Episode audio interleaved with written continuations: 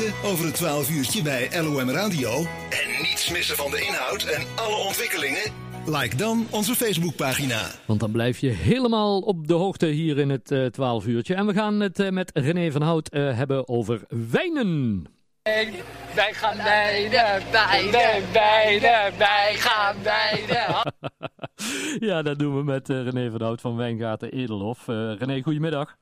Ja, goedemiddag René. Ja, want deze tegenwoordig wel hè. Wijnen, wijnen, wijnen. Ja, inderdaad. Ja, dat wordt nog wel eens geroepen. Ja. Zeker met dat mooie weer, hè? Ja, heerlijk.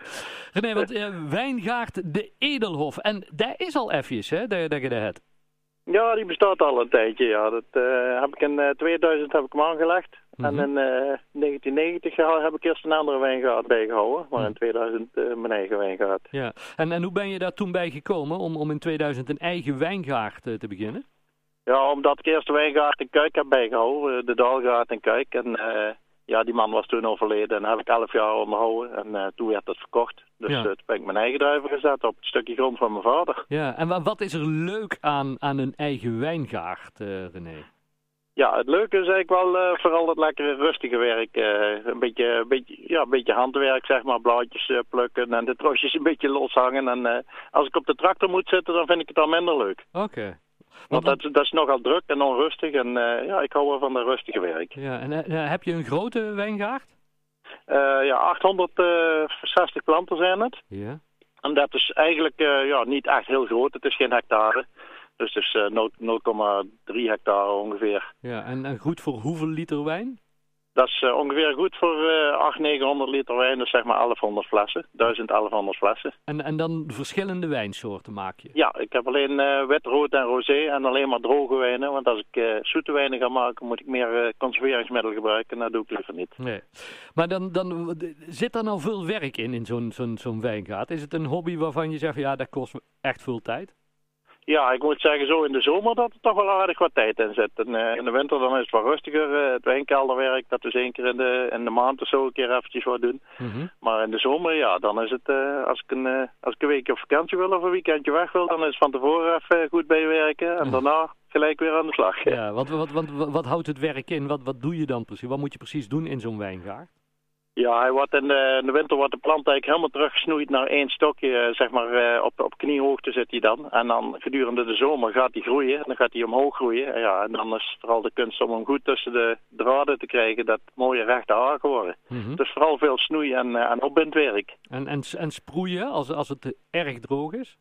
Nee, sproeien, dat uh, heb ik zelfs uh, de afgelopen twee jaar, dat het zo ontzettend droog was. Dat iedereen uh, het had over het grondwaterstadsverlaag. nee, heb ik niks over sproeien, want een druif gaat naar het grondwater toe. Al is het 20 meter diep, dan gaat hij daarheen. Echt waar?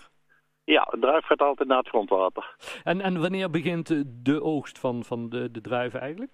Ja, de, de oogst begint zo'n beetje ja, eind september. Normaal is dat uh, half september eigenlijk wel de eerste. Dan gaan de rode druiven er al af. Mm -hmm. Maar ja, het is nu allemaal uh, twee weken later als andere jaren. Dus uh, ik heb het op eind september gezet, de eerste. En dan half oktober de tweede oogst. En, en dus twee à drie oogsten en dan moet alles eraf zijn. Ja, en, en waarom? Waarom is het nou twee weken later dan? Uh, toch wel door het koude weer. Hè. Het is te lang koud en te, te lang nat geweest. Het voorjaar heeft te lang geduurd voordat de plant ging groeien. Dat ja. was een hele achterstand. Ja. En, ja. en, en, als je dan uh, start met, met de oogst, hoe lang duurt het dan voordat de wijn echt gedronken kan, uh, kan worden, René? Ja, nou dat is voor de witte wijn, uh, die wordt dan in april gebotteld. En de rode wijn die moet altijd overzomeren, zoals we dat noemen. Dus die wordt eigenlijk pas gebotteld vlak voor de oogst. Dus die heb ik nou zeg maar een week of vijf geleden heb ik die gebotteld. Oké. Okay. Van vorig jaar. Ja. En, en, en... Ja, dus dan gaat hij pas in de fles. Ja. En, en die, die, die, die wijnkelder die heb jij thuis geloof ik hè? Ja, de wijnkelder hebben we Mil en de wijngaard die, uh, die is aan de Witte Dalen in Zeeland. Dus uh, dat is nog wel eens een beetje verschillend. Ik snoep eigenlijk van twee kantjes. Een beetje van Land van Kuik en een beetje van de Maas hoor. ja, dat doet hartstikke goed. René, maar, ja, wat, wat ik las, jullie organiseren ook uh, rondleidingen hè, van mensen die, die gewoon meer willen weten over, over ja, het, het maken van wijnen. Ja, het is, uh, ik weet niet of ze direct meer willen weten, maar ze vinden het wel voor de gezelligheid denken, is het ja. altijd. En de leukigheid inderdaad, van hoe verzorg je de planten en uh, wat komt erbij kijken bij wijnmaken. En dat doen we vanaf vijf personen inderdaad, uh, tot maximaal 25. Ja. Maar ja, 25 vind ik op dit moment nog wel een beetje, een beetje veel een hoor, beetje tricky, bij ons ja. in de tuin. Ja, en hoe ziet er daar dan uit, zo'n rondleiding? Wat, wat doe je dan precies? Ja, dan beginnen we op de wijngaard. Dan vertel ik een verhaaltje over bemesten en snoeien en dat soort dingen. En, en het onderhoud. Hm. Uh, dan is het naar Mil toe, naar de wijnkelder. Dan laat ik de machines zien, de kneuzer, de pers en dat soort dingen.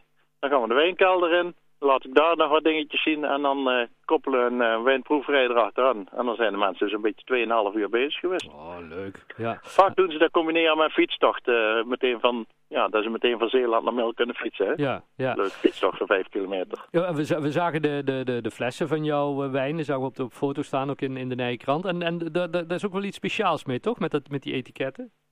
Ja, er wordt uh, wel eens gezegd van uh, wie is die mevrouw die erop staat. Maar dat is geen mevrouw, dat is, uh, dat is de wijngod Dionysos. Ja. En daar hebben wij voor gekozen, want er, zijn, er is altijd strijd geweest tussen wijngoden van de Romeinen en van de Grieken. Ja. Nou, de Dionysos is van de Grieken en de Romeinen hadden Bacchus. Maar ja, de Bacchus was meer de, wijn, de, de wijngod van dronkenschap. Oh, okay. En Dionysos meer van plezier. Wijn en plezier. Dus uh, ja, dat vind ik toch wel een beetje charmanter dan uh, dronkenschap. Jij hebt meer met, met het plezier van het wijn drinken dan dat je per se teut moet worden. Ja, je hoeft niet altijd dronken te worden om, uh, om te genieten van een glaasje, wijn, glaasje wijn of bier of wat het dan ook maar wezen. Ja, super. En wat vind je zelf de lekkerste wijn, René? Ja, die van mezelf.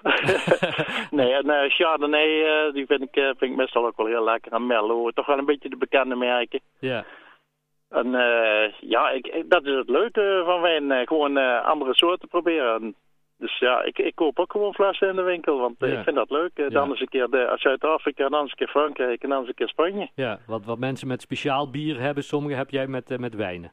Precies. Ja. Met bier is dat tegenwoordig heel erg in opkomst. En dat Ja. is natuurlijk heel erg leuk om Ja. verschillende bieren te proeven. Ja, hartstikke leuk.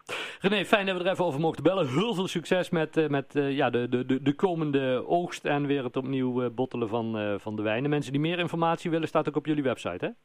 Ja, er staat alles op de website. Nou, ik dank je in ieder geval vriendelijk, René. Goed Dat zo. ik in het programma mag zijn. Helemaal goed, succes hè. Groetjes. Goed zo, Jo, bedankt.